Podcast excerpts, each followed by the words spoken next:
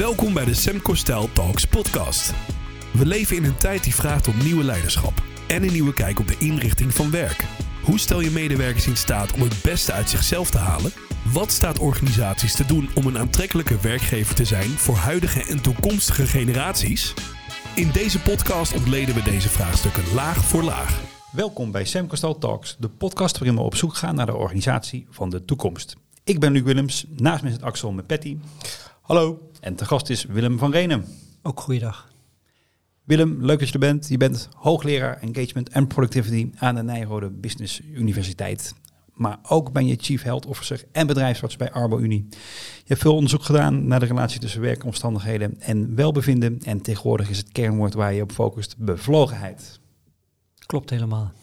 Mooi, want dat is voor ons ook een belangrijk thema. En uh, geweldig om daar in het komende half uur met je op in te kunnen zoomen. Uh, we gaan in op wat bevlogenheid betekent in organisatiecontext, hoe je het kan stimuleren en ook op wat daarvan dan de voordelen zijn voor mensen en organisatie. Maar allereerst de vraag, wie is je vader, wie is je moeder? Ja, leuke vraag. Dankjewel. Nee, mijn vader is uh, ook Willem, Willem Vrenen. En was een hardwerkende man, fabrieksarbeider, heeft altijd in de fabriek gewerkt. En um, het aardige is, ik heb uh, toen ik tiener was ook heel veel gewerkt, ook in die fabriek. En ook heel veel gezien van de arbeidsomstandigheden en hoe mensen daar werkten. En mijn moeder, dat is, uh, die heet Jantje. Jannie noemen, noemt, noemen mensen haar altijd. En zij is iemand die heel veel in de zorg heeft gezeten. En ehm, ja, mijn beide ouders leven nog steeds. En ik ben heel dankbaar dat ik er nog steeds van kan genieten. Mooi. En um, denk je dat ze bevlogen waren op hun werk? Ja, zeer zeker. En dat vind ik. Uh, het is, uh, ik, ben blij dat je die vraag stelt. Want mijn vader was natuurlijk uh, in dat opzicht gewoon een blue collar. En vaak wordt er gezegd, ja, als mensen blue collars zijn, hebben ze dermate slecht werk of ingewikkeld werk of vies werk, dat ze nooit bevlogen kunnen zijn. Nou, dat was mijn vader dus zeer wel. Hè? Dus bevlogenheid kenmerkt zich bijvoorbeeld door toewijding. En veel hebben van veel energie. Uiteindelijk ook geabsorbeerd zijn in dat werk. Dat zijn eigenlijk de drie criteria voor bevlogenheid. Ja, dat was hij super in zijn werk. Hè? Dus uh, wat ik ook persoonlijk gezien heb toen ik tiener was en daar ook in die fabriek uh, meeliep, ook bij hem af en toe. Dan zag je gewoon een hele toegewijde man die trots was op zijn werk die echt ook energiek was en ook s'morgens echt fluitend naar zijn werk ging, fluitend ook wel weer thuis kwam. Ja, en ik heb hem eigenlijk nooit horen klagen over zijn werk. Dus ja, dat, dat is wel bijzonder, vind ik. En uh, ja, ik denk dus dat hij zeer bevlogen was. Um, neem eens mee naar die fabriek. Wat, wat, wat gebeurde daar? Wat was ja, het was een vleesfabriek. Dus uh, je moet je voorstellen, er kwamen koeien en, en ook heel veel varkens uh, binnen die dan geslacht werden. En dat wordt dan helemaal verwerkt, zeg maar, tot of stukjes vlees of tot potjes vlees, zeg maar. En alles wat daar dan tussenin gebeurt. Um, mijn vader deed heel veel met worsten, dus die zat vooral in die, in, die de afdeling waar ze veel met worsten maakten. En dat vond hij, ja, vond hij wel heel mooi werk. Want ja, het is toch een bepaalde manier om eigenlijk dat vlees op een goede manier zeg maar, in die darmen te krijgen.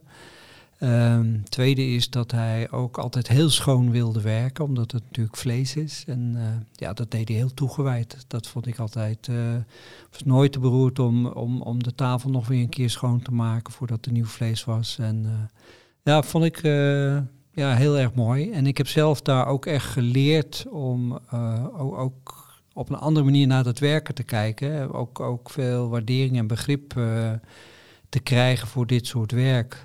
Hannah Arendt, uh, de filosoof, die schrijft in haar boek The Human Condition, die geeft eigenlijk drie typeringen van bezig zijn en, en ja. juist arbeid. Hè, dat is dat kortcyclische werk, wat je ook veel in fabrieken tegenkomt. Ja, het erge eigenlijk daarvan is dat dat heel laag gewaardeerd wordt, hè, dat dat ook heel slecht betaald is. Maar het is heel fundamenteel voor het voortbestaan van de mensen, van de society. Hè. Dus uh, boeren hebben dat ook. Hè. We zijn ook heel druk bezig met het maken van uh, of het, het, het, verrichten van kortcyclische werkzaamheden. Um, Het huishouden is eigenlijk ook, je ruimt op, daarna is het weer een rommeltje. Nou, dat kortcyclische werk wordt heel laag gewaardeerd, terwijl het toch eigenlijk fundamenteel is voor het voortbestaan. Overigens uh, geeft ze dan ook die twee andere categorieën aan. Hè. Dus ze, ze, heeft het dan over werken. En werken zijn meer vakmensen. Dat wordt al hoog gewaardeerd, want je begint met iets, je eindigt met iets. Hè. Je hebt een stukje hout. En als klompen maken, maak je daar een klomp van. Dus daar zit de waardering al hoger, ook financieel. En dan zei ze, dan heb je ook nog een groep handelaars, hè, dat handelen. En dat zijn ja de politici en de filosofen. En uh, ja, als ik dan ook even naar mezelf kijk, dat zijn eigenlijk de directieleden of dat zijn de hoogleraren. Waarvan ja, heel veel mensen gaan vragen, wat doen die nou Minder feitelijk? tastbaar werk is dat. Heel feitelijk, abstract werk zoals ik dat noem. Hè. Dus je ziet arbeid is heel fysiek werk en dat is dan langzaam maar zeker naar fysiek en mentaal werk. En nu zit je echt in dat hele mentale werk. En dat wordt hoog gewaardeerd, hè. want als jij zou zeggen, ja, wat, uh, wat uh, hè, mijn kinderen, als ik ze voorstel en je zegt, nou, mijn zoon is bezig om arbeider te worden, gaan mensen zitten aankijken van, ja, wat is er Ja, wat is, wat, wat is aan de hand? En als je zegt, nou, hij wordt vakman, heb je al meer waardering. Maar als die dan op, hè, dan je zegt, nou, hij gaat straks naar de universiteit, nou, dan heb je het in deze maatschappij heel sterk gemaakt. Terwijl als je feitelijk bekijkt, wat heeft dat voor relevantie voor het voortbestaan van de mens, kan je afvragen of dat nou echt zo heel veel bijdraagt. Hè? Dus ik kan wel dingen bedenken, maar gewoon de basic is toch anders. En wat ik zelf, en dan gaan we ook, uh, dat is voor mijn verhaal, als ik het altijd heb over bevlogenheid, heel relevant. Je ziet dus ook die verschuiven van heel fysiek werk naar heel abstract werk. En wij zijn eigenlijk in een wereld terechtgekomen waarin dat abstracte werk fundamenteel is geworden. En je krijgt dus ook hele andere wetmatigheden, waar je vroeger, als je in een fabriek zat, als mijn vader naar huis ging, was hij ook klaar met zijn werk, was over. Dan was je thuis en dan ging je daar je dingen doen. Maar zit je in een abstract werk je eh, met abstracties, ja, dan kan je het nooit uitzetten. Ik plaag in workshops uh, deelnemers ook vaak met uh, van nou, hoe groot is uw contract? Nou, zeggen mensen nou 32 uur, 36 uur. Ik zeg, heb u al eens uitgerekend hoeveel uh, procent van de week dat is? Hè? In een week help ik u even, zit er 168 uur. Als je dan 60 36 uur werkt, nou laten we zeggen 40 uur. Hè? Ik ben een harde werker, echt traditioneel 40 uur.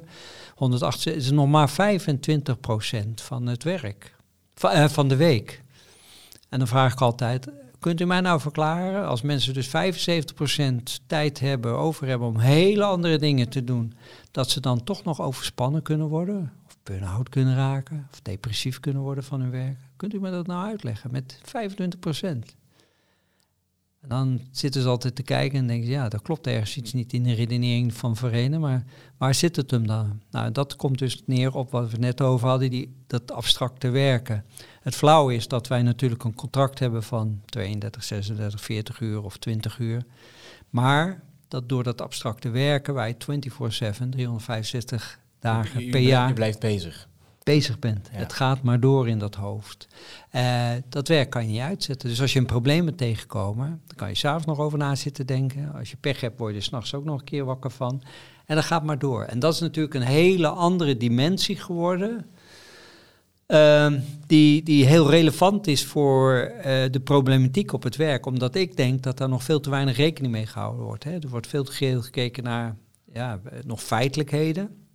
Terwijl in mijn optiek het werk veel meer een beleving is geworden. En als die beleving fout gaat, dan zie je ook dat mensen in de problemen komen. Ja, omdat die beleving ook veel meer is dan alleen maar het werk dat je doet. Het is ook waar hoor je bij, hoe word je gezien, wat is je status, word je erin erkend of gezien. Allerlei fundamentele drijfveren voor mensen. Ehm, en als er iets uh, heel lekker zit of juist niet lekker, kan ik me voorstellen dat dat zich sowieso buiten de uren uitstrekt. nog los van het werk zelf.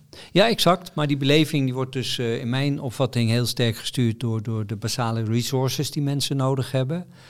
En uh, nou, we hadden het er straks al heel kort even over de self-determination theory. Die zegt dat de basale noden bij mensen vooral op drie punten hangt. En dat is, zijn mensen vaardig om te doen wat je van ze vraagt? Hebben ze voldoende autonomie, dus voldoende eigen inbreng in datgene wat je aan het doen bent met elkaar? En is er voldoende verbinding in dat werk? En het aardige is natuurlijk, als je het hebt over bevlogenheid, als die drie goed zitten, dus ik heb voldoende geleerd, ik heb mijn vaardigheden zijn op orde. Er wordt uh, gerespecteerd wat ik inbreng in het hele proces. En ik heb een goede steun van mijn leidinggevende. Ik heb uh, leuke contacten met mijn collega's. Dan zie je ook mensen echt bevlogen zijn. En dat uh, is dus eh, voor mij heel relevant om uit te dragen ook. Van als je dus echt bevlogen mensen wil hebben, let vooral op die, wat ik dan noem de resource kant. Zorg dat uiteindelijk die energiebronnen mensen energie kunnen geven en het batterijtje kunnen opladen. En dat is dus een veel betere voorspeller dan de aard van het werk als in kort cyclus versus abstract. Is dat, blijkt dat ook uit onderzoek? Uh, ja, dat hebben wij uh, ook onderzocht. Dat is wel leuk, uh, met name in de zorg. Dat bij een groot ziekenhuis hebben wij heel objectief gekeken wat mensen elke tien minuten deden, zeg maar, hè, de verpleegkundigen. Daarnaast hebben wij ook gewoon die verpleegkundigen gevraagd hun beleving over die dag. En het opmerkelijk is dat je nauwelijks uh, uh, correlaties ziet tussen die beleving en wat, ze aan het werk, wat voor werk ze aan het doen zijn. Dus de factoren van wat kunnen ze in dat werk, autonomie, wat je dus niet kan meten objectief, maar wel kan beleven. Als dat goed zit, is die positieve beleving, zijn mensen dus meer bevlogen dan wanneer de autonomie er niet is. En dat geldt ook voor steun en waardering, hè, dus uh, die sociale aspecten vanuit verbinding. Als dat aanwezig is, dan zie je mensen echt floreren. En als ze vaardig zijn, hè, dus je ziet ook die geroutineerde verpleegkundigen veel makkelijker met issues omgaan dan uh, net beginnende, startende verpleegkundigen, die hebben er veel meer moeite mee. En dat hangt dan niet zozeer aan die werkzaamheden, van die werkzaamheden af, maar meer van hun vaardigheden of ze dat aankunnen. De ervaring, het gevoel, um, de situatie te kunnen sturen. Ja, nou ja, het gevoel om de situatie te kunnen sturen, dat is natuurlijk, uh, dat is ook weer, heb jij voldoende autonomie? Dus ook, uh, je moet maar eens opletten dat als je veel determinanten in het werk, hè, die we vaak in onderzoeken terugzien, kun je eigenlijk altijd wel terugbrengen tot een van deze drie. Competence, autonomy en relatedness. Hè? Dus competenties, uh, autonomie en uh, die verbindingsfactoren. En ja, ik, uh, ik ben echt van overtuigd als je daarop stuurt, dan kom je in heel end. Tweede factor die ik altijd bij bevlogenheid aan kaart is de purpose, het doel. Ja. Visie, ambitie, waar doe je het eigenlijk voor? Um, want zijn resources voor mij zeg maar de energiebronnen die uiteindelijk het batterijtje moeten vullen. Ja, een vol batterijtje sec, daar bereik je weinig mee. Ik weet nog wel, toen ik pas hoogleraar was en ik veel met bevlogenheid uh, lezingen gaf over bevlogenheid, dan kwamen mensen nog wel eens naar me toe en dan zeiden ze, ja, nu, nu zit ik lekker bevlogen te wezen en wat dan? Dat was een hele goede vraag ja, als je een batterijtje gewoon neerzet, ja, dat is gewoon een batterijtje. Dat, dat, ja, dat, daar kan je weinig mee. Of ja, daar kan je heel veel mee. Maar als je niks mee doet, staat hij daar een beetje zinloos te zijn. Als je het batterijtje in een radio doet, krijg je er geluid uit. Als je batterijtje in een lamp doet, krijg je er licht uit. Dus die purpose, hè, die energie moet wel erg toegeleid worden. En dus heb je aan de ene kant energiebronnen, heb je aan de andere kant ook echt een, een doel waar je naar moet toewerken met je energie, wil het uiteindelijk een goede cirkel worden. Dus voor mij zijn purpose en resources in, in het werk altijd het meest relevant om met mensen te bespreken. Hmm. Als ik, als ik terug ga naar, naar het eerste punt wat je aankaartte, um, waarin je aangaf uh, de wat ervardere, uh, in dit geval uh, zorgverpleger, die heeft minder moeite met de competentiekant. Um, kan je dan ook aan, is het bewezen of, of ervaar je dat bijvoorbeeld um, als je die drie elementen hebt, dat er een verschil zit in uh, leeftijdscategorieën wanneer iemand bevlogen is, ja of nee? Heeft bijvoorbeeld die jongere persoon meer nodig van twee elementen en die andere wat minder? Uh. Nee, nee, je ziet dat die, die, die randvoorwaarden eigenlijk altijd wel aanwezig moeten zijn, maar het interessante is wel dat de accenten wel kunnen verschillen. Ja. Je ziet uh, bijvoorbeeld dat ouderen over het algemeen veel meer gehecht zijn aan hun autonomie. Terwijl jongeren best wel, willen best wel autonomie inleveren, mits ze voldoende uh, competence kunnen opbouwen. Daaraan kunnen wij spijkeren. Ja, en wat zij ook vaak uh, zoeken is veel verbindingen. Zij willen graag uh, in verbinding zijn. Nou, dat, dat soort verschillen zijn best wel interessant. Je ziet dat ook, uh, ook wel verschillen tussen man en vrouw. Hè. Je ziet die vrouwen over het algemeen sneller in verbinding schieten dan mannen. Die veel meer in hun autonomie proberen te zitten. Nou, dat, dat hè, dus alle drie zijn echt relevant. Ook, ook voor het, uh, het hele werk wat je aan het doen bent. Alleen je ziet wel accentverschillen. Hè? Dus uh, bij de, in de coronatijd uh, zag je bijvoorbeeld dat een bepaalde groep van de werknemers die vinden het heerlijk om thuis te werken. Dan hebben ze maximale autonomie. Maar een andere groep die, die gaat bij wijze van spreken dood thuis. Waarom? Die zien geen mens. Die zien alleen maar muren. Die vinden het vreselijk om niet in verbinding te kunnen zijn. En die vinden eigenlijk de verbinding via een, een, een, laptop of via een, een of ander scherm, vinden ze eigenlijk onvoldoende. Want ze vinden het eh, juist leuk om even gezellig bij het koffieapparaat wat bij te kunnen kletsen. Nou, dat soort accentverschillen, dat moet je wel opsporen als je leidinggevende bent bijvoorbeeld. Of als je zelf uh, in je energieproblemen komt. Van ja, wat, wat vind ik nou belangrijk? Wat is voor mij nou heel relevant? Hè? Ben ik nou iemand die heel graag in verbinding is? Of ben ik iemand die heel graag zijn ruimte ervaart? Of ben ik juist iemand die heel erg rationeel bezig is en probeert zijn competenties op te bouwen? Waar moet ik nu, waar moet ik voor mezelf nu volledig op inzetten?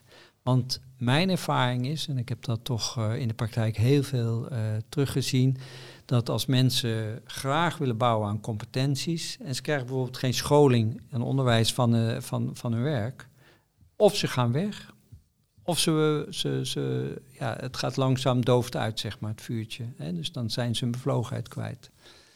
Dus het is heel erg belangrijk om daar op te gaan sturen en ook van mensen te weten van wat is voor Welk jou... accent. Ja, ja waar, waar, waar, waar kan ik jou bij helpen? Ik ben bijvoorbeeld heel erg op mijn autonomie gesteld. Ja. Dus uh, als ik een, uh, een, baas had, als mijn commissarissen tegen mij zouden zeggen, nou Willem, uh, morgenochtend ga je dit en dat zo, doen en, en er zit weinig autonomie van mijzelf nog in, dan wordt dat heel eh, vervelend. ja. Ik kan het wel een paar dagen volhouden, misschien ook wel een paar weken, een paar maanden misschien nog, maar dan wordt het echt ploeteren. Ja. En dat is, eh, pak je bij mij weg. En bij een ander is dat juist die verbindingsaspect en weer bij een ander is dat eh, Ja. de Op leermogelijkheden. zich hebben we hier aan tafel op zich een best mooie greep uit verschillende leeftijdscategorieën. Ik ben hier duidelijk de jongste. Ehm, en voor, ik kan me daar wel goed in, in, in, in herkennen dat dan de competentie en het, en het, eh, en het belongen is. Ja. De verbinding, dat voor, voor mij in ieder geval dat een stuk belangrijker is. Ja. Ehm, en dat er dan een paar weken, maanden zitten waarvan jongens, hey, dit is de planning en dit, en dit gaan we doen. Dat dan oké is. Wat het bijvoorbeeld voor jou, van, ja, weet je, ik ga toch even liever mijn eigen pad en ik Ja. ga daarin wat meer vormen. Hoe is dat voor jou, Luc? Ik zeggen, nee, waar denk jij dat ik zit? Ja, dat lijkt me wel een leuke. Ja, ik, ben- ik ben benieuwd naar jou.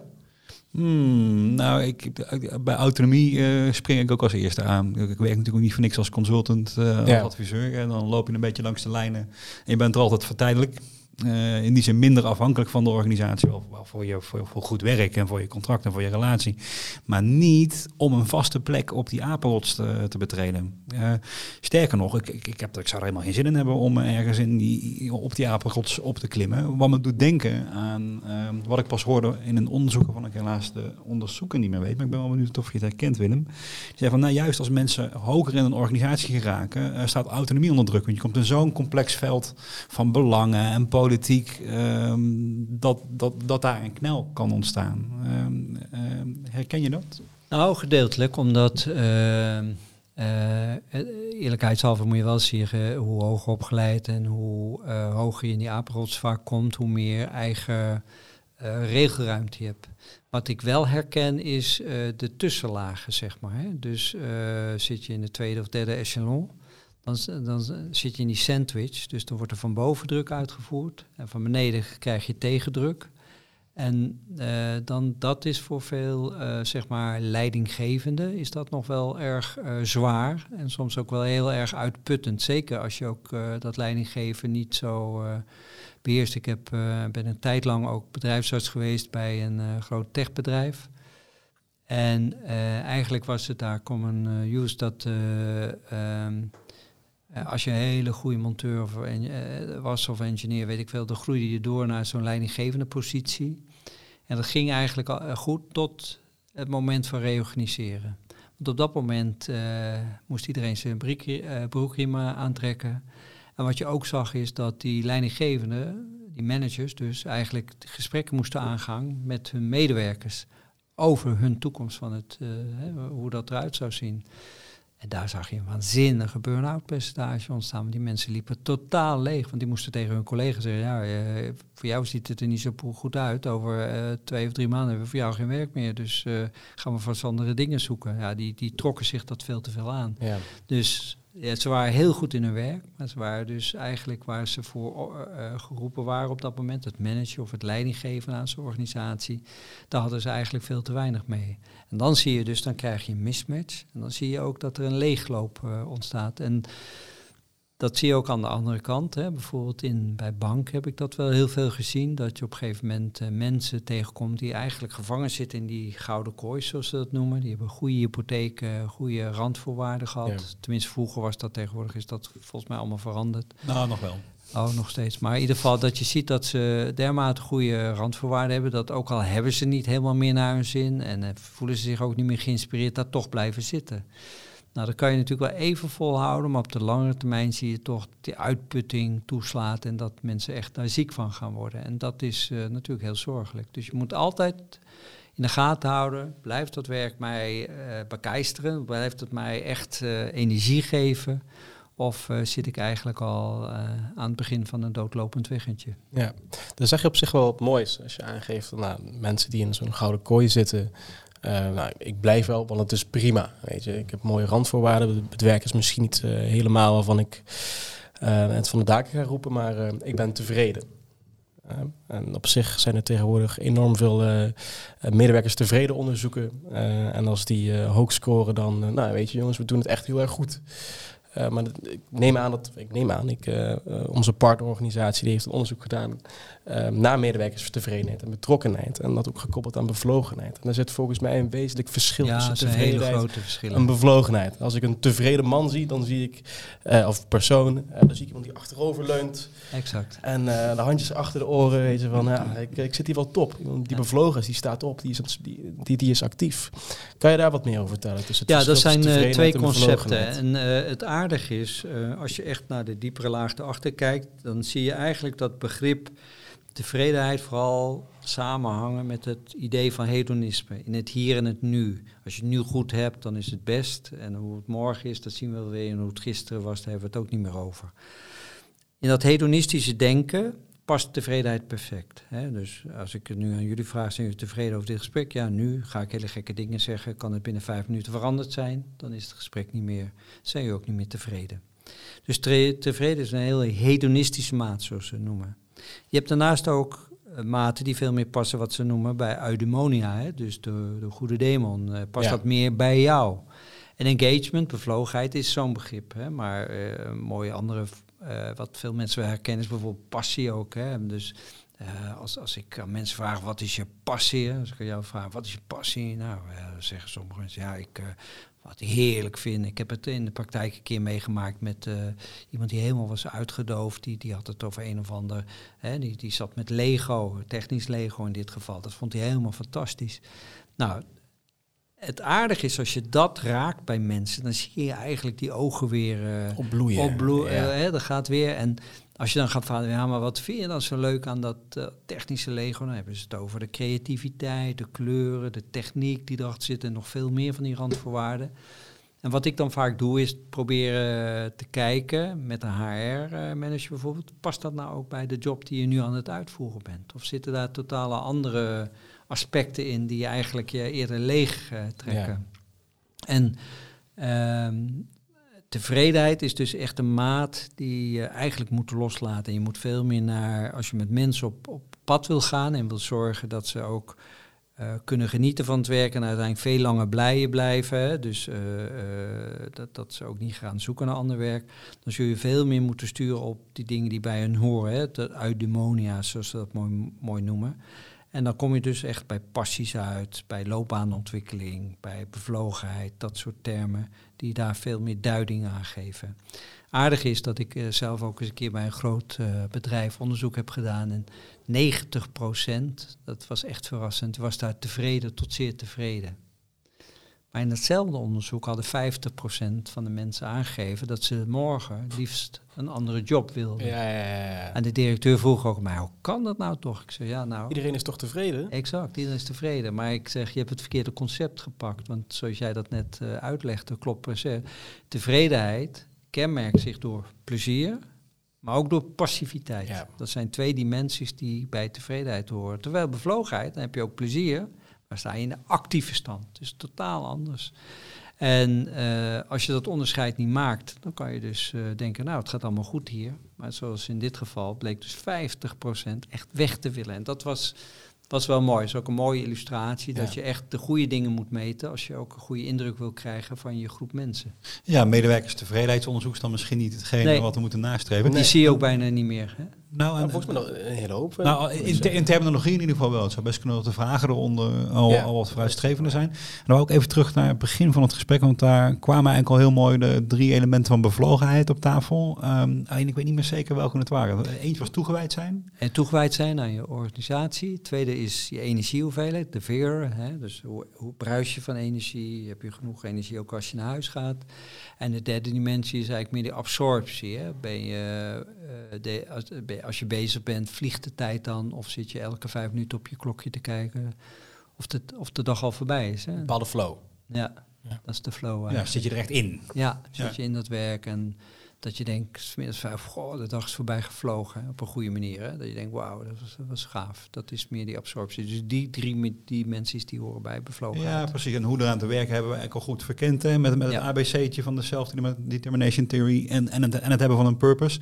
Rest nog de vraag, eh, die ik in ieder geval heb. Eh, bij bevlogenheid denk ik heel snel aan het engagement onderzoek van Gallup. Eh, elke consultant haalt die aan en zegt van nou, wereldwijd is altijd, zijn altijd schokkende percentages. Ja, ja, ja. Hoe, hoe zie jij dat? Eh, hoeveel ja, mensen Gallup heeft, ja, nou ja, kijk, die onderzoeken van Gallup zijn goed. Hè. Dat is ook echt wel wetenschappelijk goed gefundeerd. En eh, dat gaat ook over eh, ruim een miljoen mensen, zeg maar. Dat, eh, dat, dat, dat zijn dus echt wel, kan je wel aannemen dat dat eh, wel goed gaat. Eh, Bevlogenheid, wat zij meten, moet je wel zeggen dat zij eigenlijk meer de determinanten van bevlogenheid nemen. En zeggen, nou, als je die bij elkaar optelt, dan is dat bevlogenheid. Maar die uitkomstmaten, die zijn wel heel, heel eh, vind ik, shocking. Hè? 25 eh, of eh, eh, bevlogen mensen zijn 25% more profitable. Ze zijn gemiddeld eh 40% minder vaak ziek. Ze maken 60% minder fouten dan gemiddeld. Hun turnover, hè, dus de neiging om ergens anders te gaan, is stukken lager. Kortom, alle parameters die je graag in je bedrijf ziet. Hè, hoge winstgevendheid, goede betrokkenheid, weinig gedoe. Al dat soort zaken zie je met bevlogen mensen dus makkelijk georganiseerd worden. Terwijl als mensen dus hun bevlogenheid kwijtraken, zie je dat mensen dus ja, echt eh, eh, problemen krijgen. En ik herken dat ook. Kijk, als ik zelf in de stress zit, hè, je hebt het heel erg druk, eh, er zijn veel werkzaamheden tegelijkertijd, een groetje bij en boven je kop. Simpel voorbeeld, je drukt een printje af, gaat fout, dan begint het al. Nou, gooi die hele mak gooi je weg. En Printers vervolgens zijn sowieso weer. gemaakt. Ja, en dan de volgende keer, weet nog niet goed. En, en zo, dan zie je dus als je in die stress zit en je doet het niet vanuit een, hè, je bent, eh, eh, je bent die bevlogenheid kwijt, zeg maar, dan zie je dat soort kosten ineens om de hoek kijken. Ehm, eh, om de hoek komen kijken. En ik weet ook uit onderzoek, dat hebben Bakker en Schauffele eh, en, en uh, Demeroet, die hebben dat veel gedaan ook. Bijvoorbeeld bij eh, eh, kleine retailbedrijven, bijvoorbeeld bij een fastfoodbedrijf hebben ze ook gekeken van nou, die bevlogen mensen, eh, hebben die nou, hoe, gaat dat nou? En het grappige is, ook al sta je simpel achter de balie, alleen maar eh, mensen de dingen te geven, mensen die bevlogen zijn, hebben eind van de dag gewoon meer geld in hun kassa zitten. Gewoon meer geld. Dus en hoe je dat dan verder moet verklaren, Mooi, maakt ja. niet uit. Maar ze hebben gewoon meer geld gegeven. Dus blijkbaar gaan mensen die te maken met bevlogen mensen, die gaan misschien meer bestellen, ik weet het niet. Of zij werken gewoon sneller af. Hè? Dus uh, ze zorgen ervoor dat, uh, dat ze meer mensen be uh, bedient. Maar je ziet gewoon dat dat een groot effect is. En dat is in heel veel gevallen. Hè? Dus welk onderzoek je ook ziet, je ziet toch altijd dat mensen een extra stapje maken als ze bevlogen zijn. En dat zie je dus onderaan de streep altijd terug. Ja.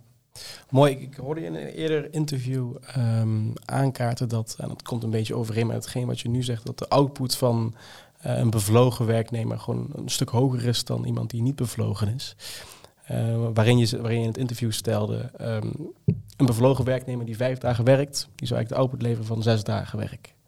Dan kan je ongeveer hetzelfde zeggen over iemand die, een bevlogen werknemer die vier dagen werkt, die de output levert van vijf dagen. Mm en dan heb je een concept tegenwoordig, de vierdaagse werkweek, waarin nou, eigenlijk wordt, uh, wordt gesteld van, nou, het is zeker mogelijk om ehm, eh, het werk van vijf dagen in vier dagen te doen. Sterker nog, eh, als je dat bij de juiste organisatie doet, waar je dus inderdaad bevlogen bent, is dat inderdaad helemaal mogelijk. Zie, zie je dat op diezelfde manier en zie je dat eigenlijk dus als fundering voor, zo'n, voor het effect van een vierdaagse werkweek? Nou, ik zie dat meer als een sociologische of maatschappelijke discussie. Kijk, een bevlogen iemand die zit gewoon lekker in zijn werk, zit gewoon lekker in zijn vel. Die zit niet uurtjes te tellen of zo. Maar je ziet ook dat ze nauwelijks overwerken. Dus Pietje bevlogen iemand 36 uur werkweek aan omdat hij 36 uur prettig vindt. Prima, 32 uur. Gaat erom, past dat bij hem? Wat je in ieder geval terugkrijgt, is meer rendement. Dat krijg je in ieder geval terug. En ehm, wat je ook ziet is dat ze hun tijd niet hoeven te verdoen met overwerk. Want dat is de andere kant. Hè. Mensen die dus uitgeput raken, dan lijkt het alsof ze harder gaan werken. Maar dat is die vicieuze cirkel naar beneden. Die gaan meer uren maken, raken door nog meer uitgeput. Moeten daardoor, om dat werk wat ze altijd deden te doen, nog meer uren maken. En zo gaat dat naar beneden. Nou, dat is bij bevlogenheid dus absoluut niet aan de, gang, aan, aan, aan de hand. Dat is het mooie. Bevlogen mensen die leveren gewoon dat op wat je ook van ze mag verwachten.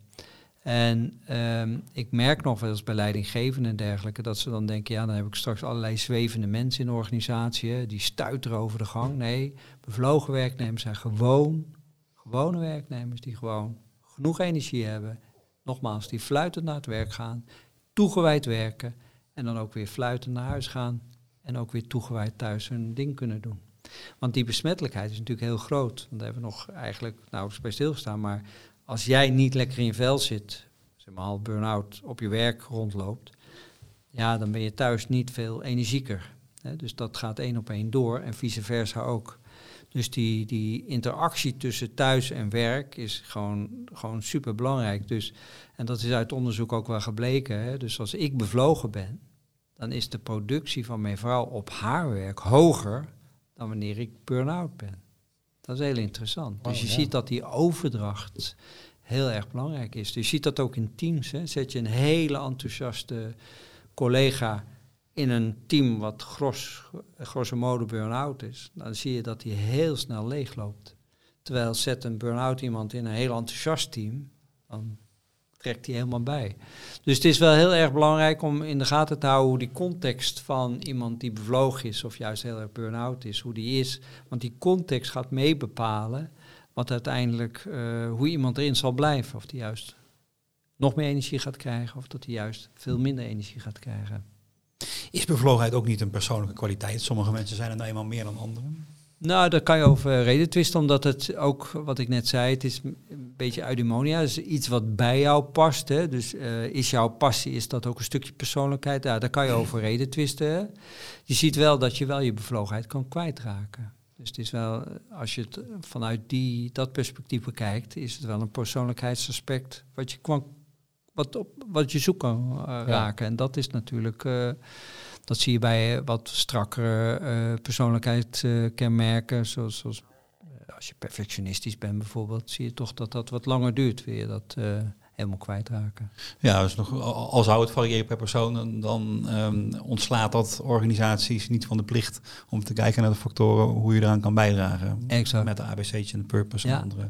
Ja, en ik denk ook dat, dat veel bedrijven dat uh, gewoon kunnen doen. Hè. Dus het, is, het is redelijk makkelijk. Alleen het ingewikkelde, denk ik, en dat zie ik ook in mijn eigen organisaties wel, dat je als je in teams werkt of met groepen werkt, dat uh, het heel belangrijk is dat mensen van elkaar weten wat voor hun de belangrijkste energizer is. Want als je dat ja. weet en vervolgens daar ook probeert respect voor te houden en ook begrip voor op te brengen, dan kan je heel veel doen met elkaar.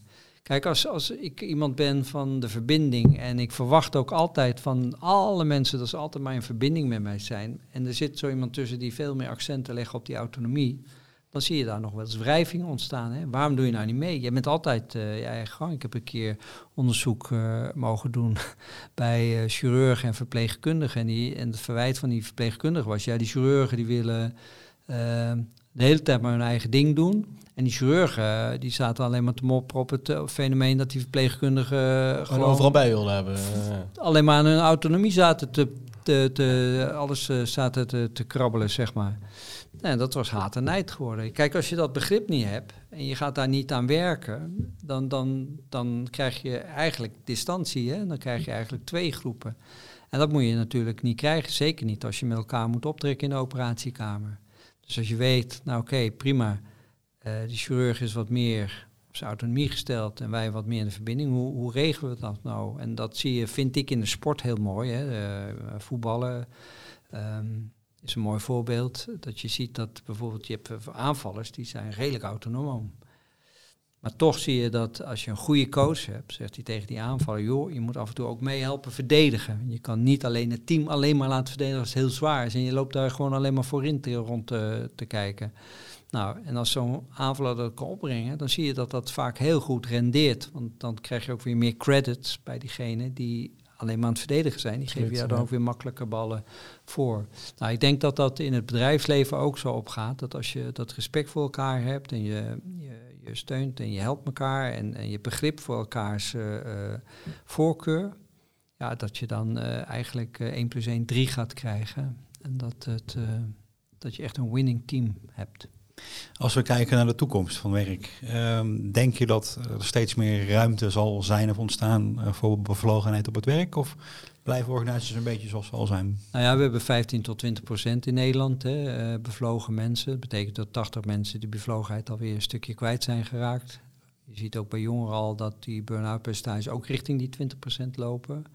Dus die slaan helemaal door naar helemaal leeg zijn. Nou ja, de toekomst van werk vraagt veel van ons. Hè. Je ziet uh, toch, toch uh, veel technologieën doorkomen en dat is ook goed. Dat helpt ook in het plezier van een heleboel werkzaamheden. Hè. Sommige dingen zijn gewoon heel vervelend en als dat opgelost kan worden met de machine is dat prima. Maar het heeft ook zo zijn keerzijde. Hè. Je ziet dat door al die technologieën en alle beeldschermen waar we mee werken, dat bijvoorbeeld de verbindingsfactor wel steeds meer onder druk komt. Hè. Je ziet dat ook met het hybride werken dat, uh, ja, dat sommige mensen dat ook echt missen, die verbinding. Dat ze, dat, dat, uh, waar we het daar straks over hadden, even dat gesprekje bij het koffieautomaat. Dat wegvallen daarvan, dat dat voor sommigen echt uh, moeilijk is. En ja, je ziet wel dat wij steeds meer die kant op groeien van dat je het vooral zelf allemaal moet doen qua werk. Zelf organiseren, zelf moet regelen. Dat de technologie dus veel meer in komt. En dat dat voor verbindingsmensen wel veel moeilijker zal worden. Mensen die makkelijk vanuit zichzelf redeneren en proberen ook die autonomie vorm te geven. Um, daar zal het wel wat makkelijker voor zijn. Maar ik voorspel ook, want ik vind zelf ook dat ik redelijk autonoom probeer te acteren. Um, ja, je kan niet zonder medemens. En dat zal toch met de robotisering, automatisering en de platformisering, neem het, hè, al dat soort zaken zal je toch in die verbinding toch iets moeten teruggeven aan de mens. Want dat is toch waar in hij geschapen is, zeg maar. Hij is toch, dat is wat mooi ook van het scheppingsverhaal. Hij kon niet alleen zijn, Adam, en hij kreeg Eva erbij. Hè? Dus dat is wel, ja, eigenlijk al in nou, de, in de oerverhalen zie je al dat dat verbindingsaspect heel erg belangrijk is. En um, ja, en ik, dat zie je nog steeds. Dus daar kan je niet omheen. En dat is wel wat je in de moderne werkzaamheden, waar naar mijn idee de grootste dreiging uh, komt te liggen. Helder. Dus daarmee sluiten we de podcast over bevlogenheid af met een appel op verbinding. Willem, dank voor het gesprek. Graag gedaan en jullie veel succes. Dankjewel. Semco Style Talks. Werken in de wereld van morgen.